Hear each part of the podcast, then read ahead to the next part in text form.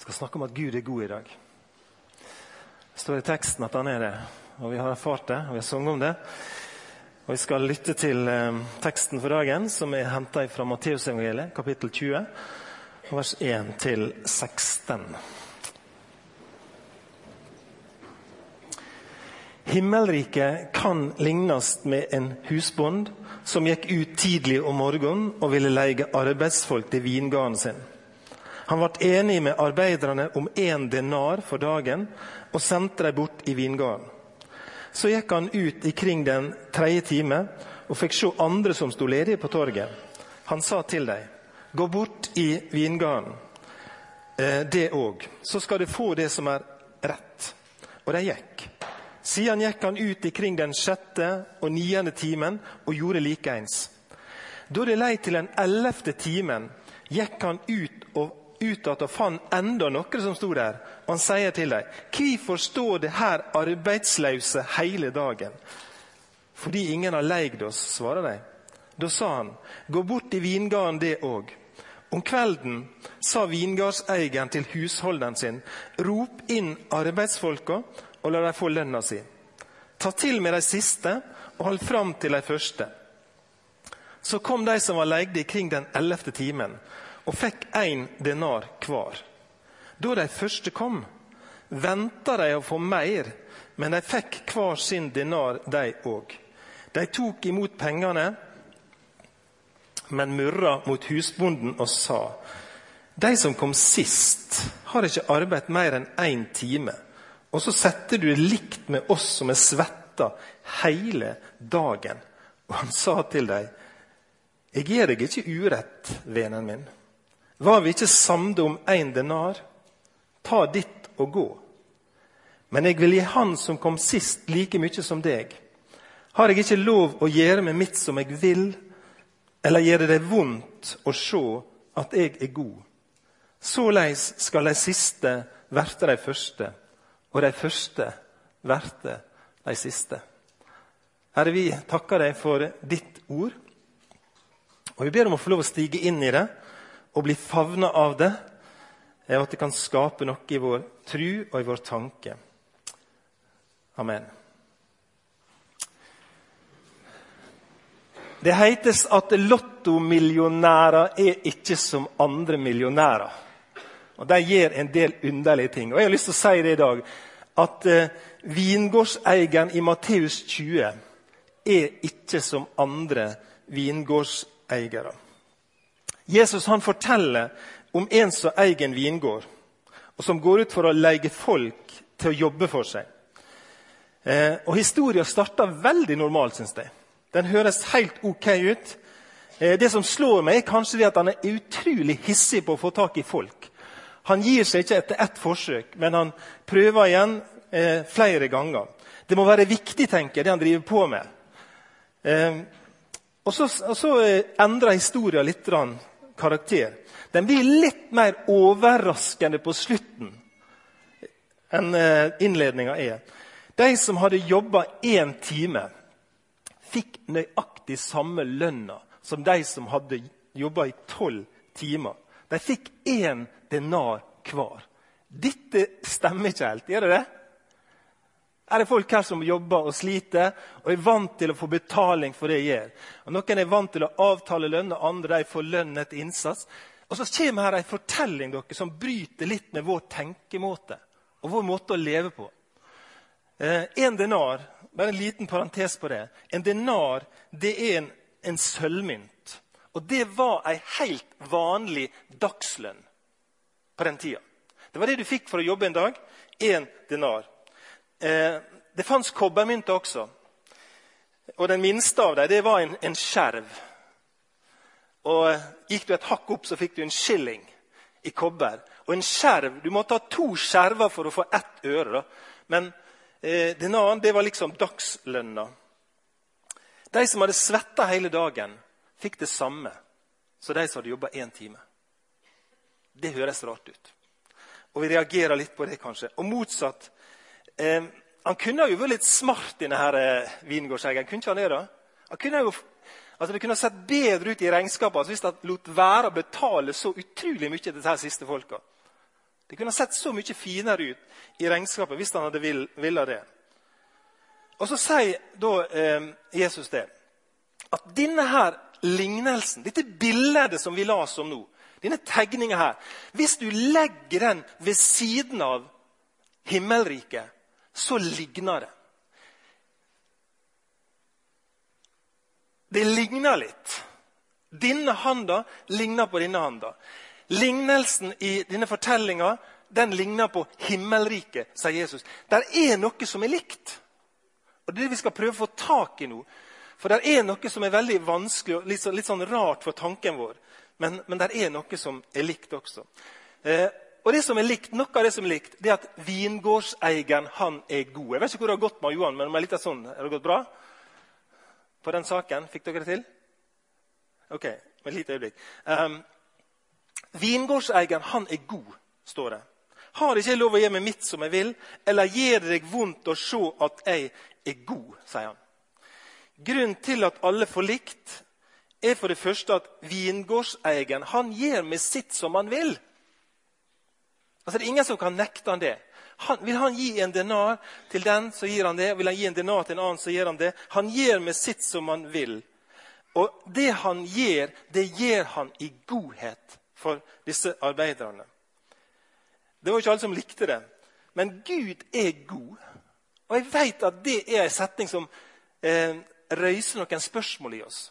Men det er det som står her. Gud er denne vingårdsmannen som er god. Der er en kar i Bergen jeg vet ikke om jeg har møtt han, jeg har bare lest om han, som heter 'Gud er god' i mellomnavn. Knut Gud, Gud er god eh, Osland. Altså, folk heter jo jeg holdt på å si så mye rart, men, men, men han, han, heter det. altså. Mellomnavnet er 'Gud er god'. Og jeg synes Dette er såpass spennende at jeg, at jeg måtte leite i telefonkatalogen på nettet og se. Står det det i telefonkatalogen? Gud er god. Eh, Osland Knut. Og når jeg, når jeg, når jeg liksom, eh, leita der, så fikk jeg opp eh, navnet på kristent fellesskap. Opp i Møldalsbakken. Eh, han, han, tilhører der oppe. Jeg vet ikke om han er pastor eller hva han er. Jeg kjenner ikke helt, men det, noen som vet det. Det var iallfall det som var adressa. Hør da, Der er adresse på 'Gud er god'. Og det er oppe i Møllendalsbakken i Bergen. Jeg synes det er litt fornøyelig da, eh, å vite det. Men hovedadressa til Gud er god, det er ikke Møllersbakken. Det er himmelriket. Det riket som er Guds rike, det har eh, noe som ligger i bunnen. Og når jeg googla 'Gud er god', så fikk jeg opp noe mer enn det. La oss prøve å se hva, hva jeg fant på nettet. Det er jo det det heter. Se hva jeg fant, liksom. Sant?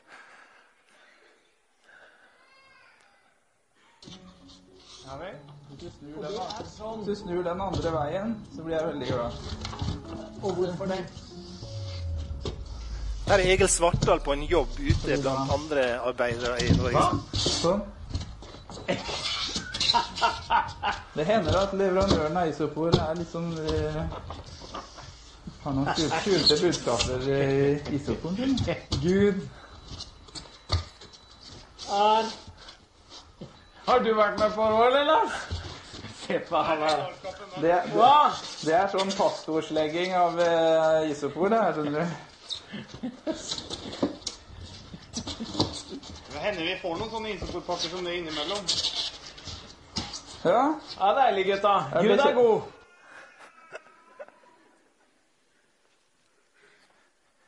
Hør da. Grunnlaget for himmelriket er Det som ligger i bunnen for hele riket, er at Gud er god. Alt han handler med og gjør i sitt rike, det handler om at han er god. Og i sin godhet så gir han én talent, eller én denar, lik lønn eh, til alle som jobber der. Og så kan vi spørre var han urettferdig, da? Var det urettferdig måte å behandle arbeidere på? Ja, Vi vil kanskje si det. Vi syns kanskje det, at vi kjenner at det våkner litt. Her er noe som skurrer. Det må jo være feil at alle skal få samme lønna. Det må ærlig talt være litt av samsvar mellom arbeidstid, innsats og lønn. Men så er spørsmålet er himmelriket urettferdig. Er Gud urettferdig?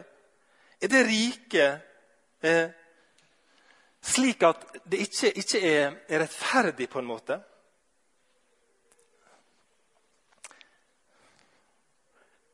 Noen vil si at Gud er urettferdig. Og Hvis du syns at denne her er urettferdig, denne lignelsen, så har jeg noen langt verre eksempel enn det. På hvordan Gud i sitt himmelrike behandler mennesker forskjellig uten å gjøre urett. For Gud lever og Gud handler på en annen måte enn det vi vanligvis tenker.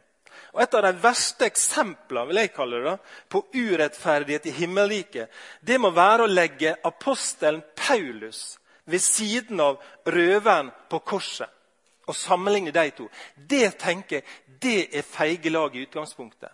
Og så skjer det noe underlig også i det, i Guds rike, i himmelriket. Paulus han starta tidlig om morgenen og hadde en veldig lang arbeidsdag. Han gjorde utrolig mye for Gud. Og Vi kan lese at han oppsummerer dagen med blod, svette og tårer i 2. Korinterbrev 11. Etter at Herren kalt han inn i vingården, eh, etter arbeid i vingården, så sier han at han har hatt større strev. Han har fått flere slag. Han har vært oftere i fengsel. Han har vært i dødsfare mange ganger. Han har blitt piska med 39 slag fem ganger. Han har blitt piska, sier han. Utrolig sterke ting. Han er blitt steina, han er drevet rundt på havet, han har vært i fare mellom røvere og landsmenn, sier han. Og i slit og i strev, og ofte i nattevåk, og i svolt og i tørst. Ofte fastende i kulde og uten klær. Altså, det er en endeløs rekke. Når, når, Paulus sier noe om sitt liv i vingården, i sitt tjeneste for Gud, så er det en endeløs rekke.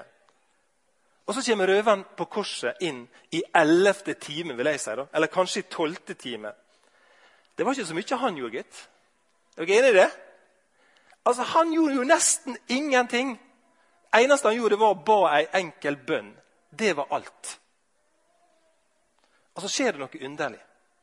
Også i den beretninga, eller det forholdet. Når arbeidsdagen til Paulus og arbeidsdagen til røveren på korset er over, da er det at Gud utbetaler egentlig det samme til begge to.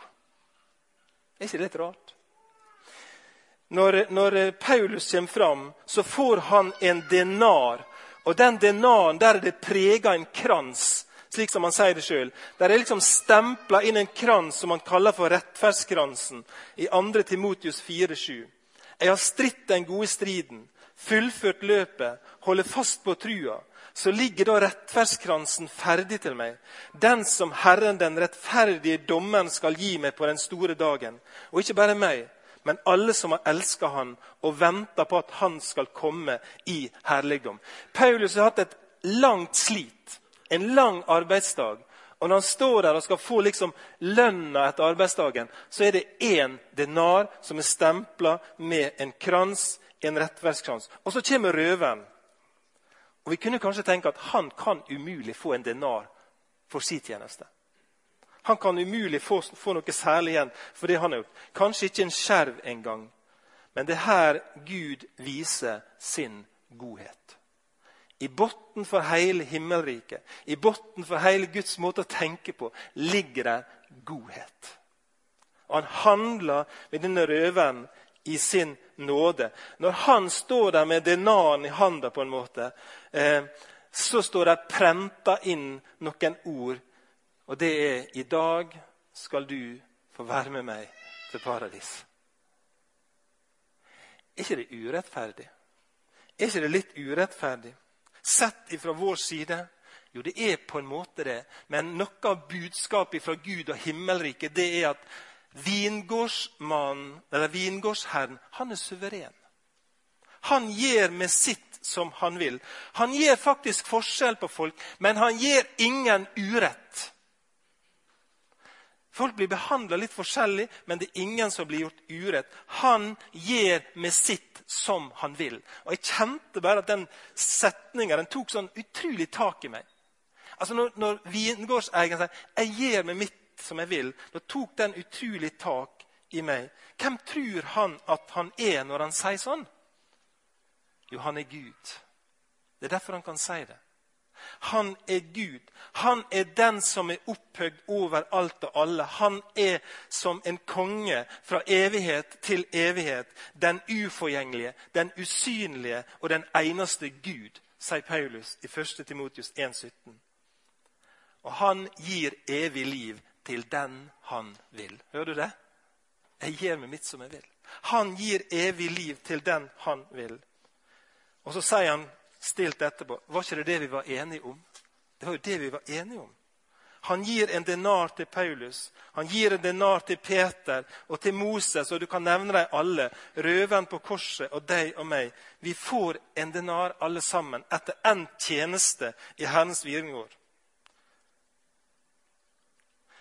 Det ville kanskje vært eh, urettferdig hvis det ikke var slik at i himmelriket så er det et annet lønnssystem enn i denne verden.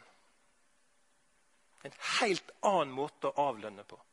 En helt annen måte å betale ut lønn på i himmelriket. Og Det som er det spesielle, er at når Paulus ser på denaren sin, så, så er det en krans. sant? Eh, og når røveren ser på det, så er det en innskrift. Og når de snur han, så blir hele hemmeligheten avslørt. Da står det kun fire bokstaver på begge myntene, og det er nåde. Det er det som er det spesielle. dere. I Guds rike er det slik at vi får utbetalt lønn ut ifra nåde. Og ikke fortjeneste. Ja, men Jeg skulle hatt et annet system, sier kanskje noen. Jeg er ikke så sikker på det. Jeg er ikke så sikker på det. Da skulle du jobbe hardt for å få tjent frelse. Du skulle jobbe skikkelig hardt for å få tjent frelse hvis du skulle få det ut ifra innsatsen din. For det er faktisk en umulig oppgave. Like før den teksten jeg las, så sier faktisk Jesus det, at det er umulig å komme inn i himmelriket for et menneske. Det er kun én måte det er mulig på, og det er at Gud føder oss inn i det. Og Fortjenester etter å ha jobba i himmelriket, svetta lenge eller svetta kortere, det er nåde. Det finnes bare ei lønn, dere, og det er det som heter nådelønn. Det som blir gitt oss ufortjent. Hvis vi syns at dette er urettferdig, så har jeg et annet eksempel som jeg syns er enda mer urettferdig. Vet du hva det er? det er det at det er han som var uten synd, han som var rein, han tok på seg alle synder for alle mennesker gjennom alle tider. Og så blir han korsfesta for det. Så dør han for mine og dine synder. Han som er rettferdig, lir for urettferdige. Og så kan vi si ja, det må iallfall være urettferdig. Ja, Det spørs hvordan vi tenker. Gud tenker ikke sånn. Han sier det er sånn min rettferdighet blir åpenbart. Det er sånn jeg tenker. Og igjen, grunnen til at det er sånn, det er at jeg bygger mitt rike på nåde. På godhet ifra meg. Det fremste uttrykket for at Gud er god, hva er det? Eh, det er ikke at det regner. Det er veldig bra. Eh, det er ikke at sola skinner, eh, og det er heller ikke at det hagler at det stormer. og Gud er god imot oss nær sagt i alle forhold her. Men det fremste uttrykket for Guds godhet er at han gir oss nåde. Det er hans ypperste eh, måte å vise sin godhet på. Og så sang hun Helene Lyngver her. It's all about you, Jesus. Det handler bare om deg, Jesus. Om jeg skal få lønn etter arbeidet, så er det ikke fordi jeg har fortjent det. Det er av nåde.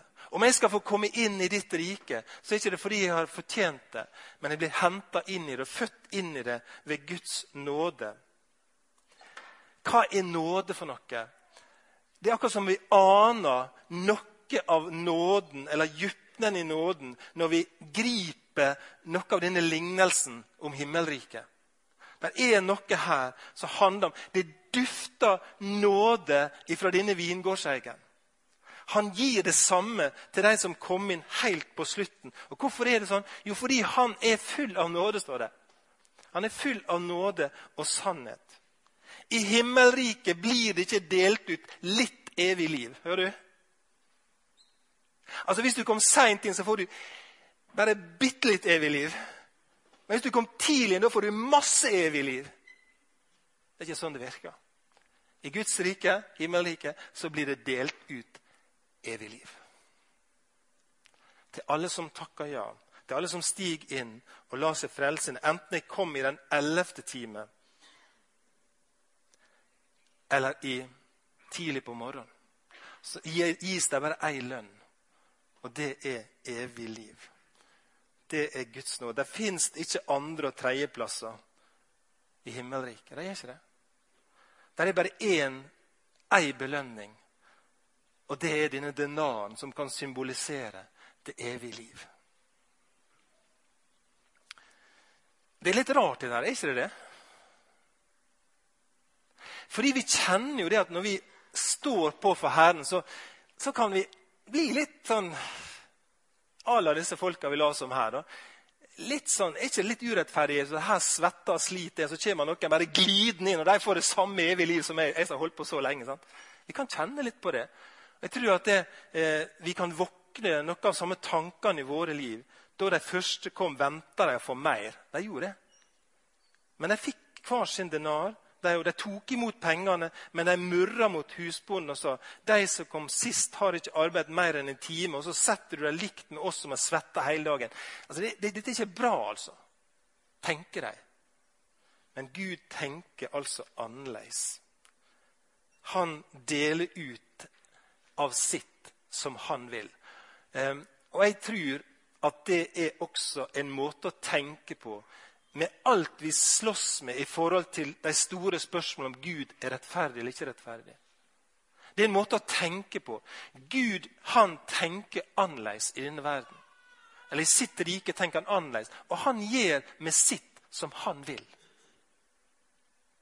Og han gjør og gir i sin godhet. Vi mennesker vi er smitta av misunnelse og hovmod. Vi ønsker å sammenligne oss med andre. Noen ganger så syns vi at andre burde stille opp mer, svette mer, ikke undre seg så mye, gi mer. Jeg tror det er stor nåde å bli bevart fra sånn murring. Det er stor nåde fra Gud hvis vi kan bli bevart fra en sånn murring. Og I den andre enden er det de som blir omtalt som de siste, som skal bli de første. Hvem er disse egentlig? Disse som ifølge Jesus skal bli de første.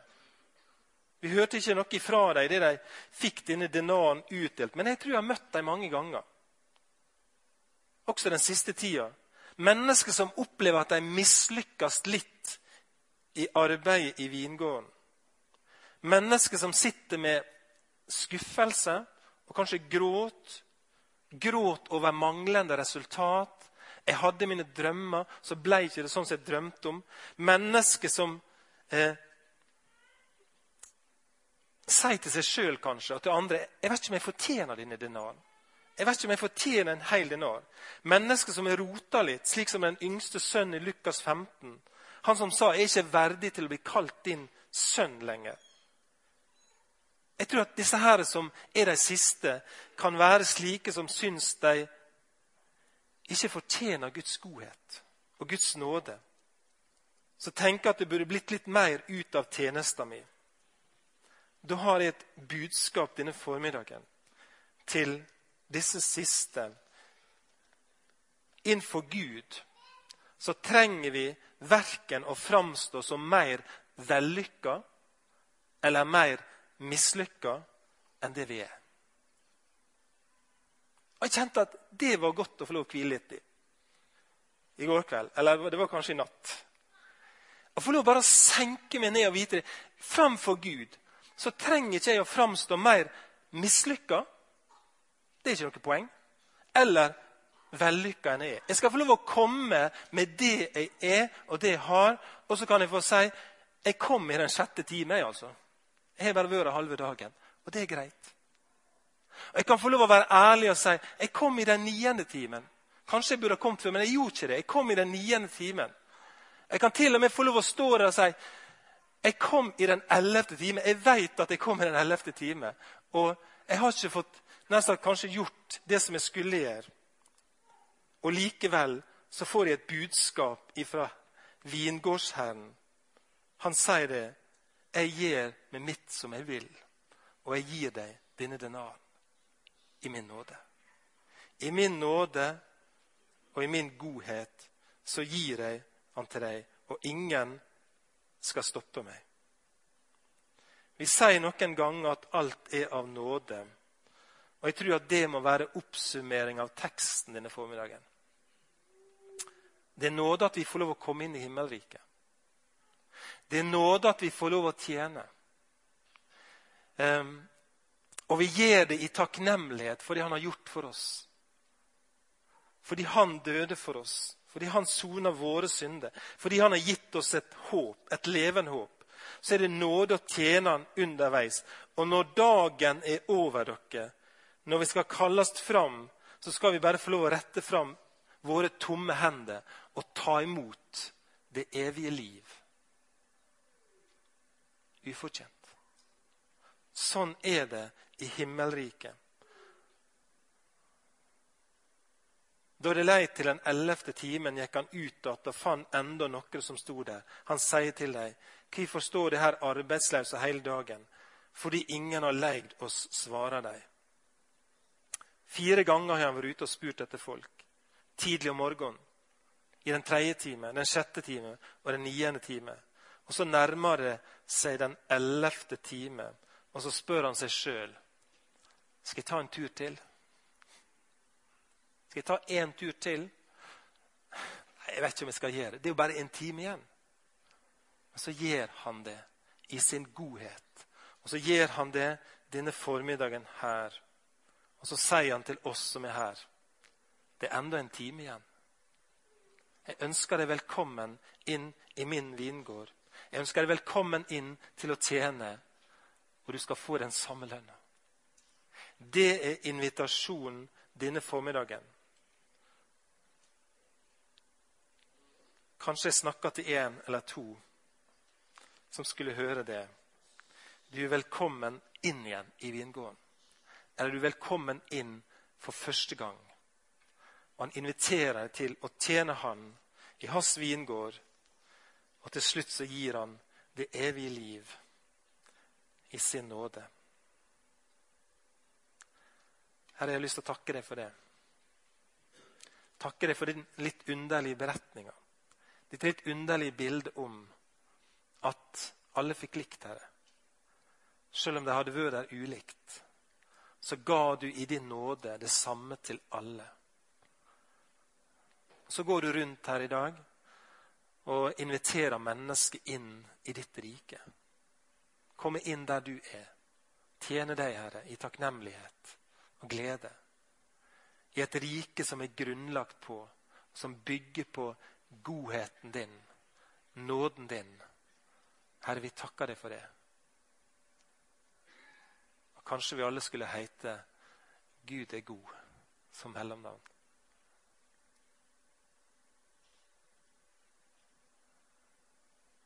Amen.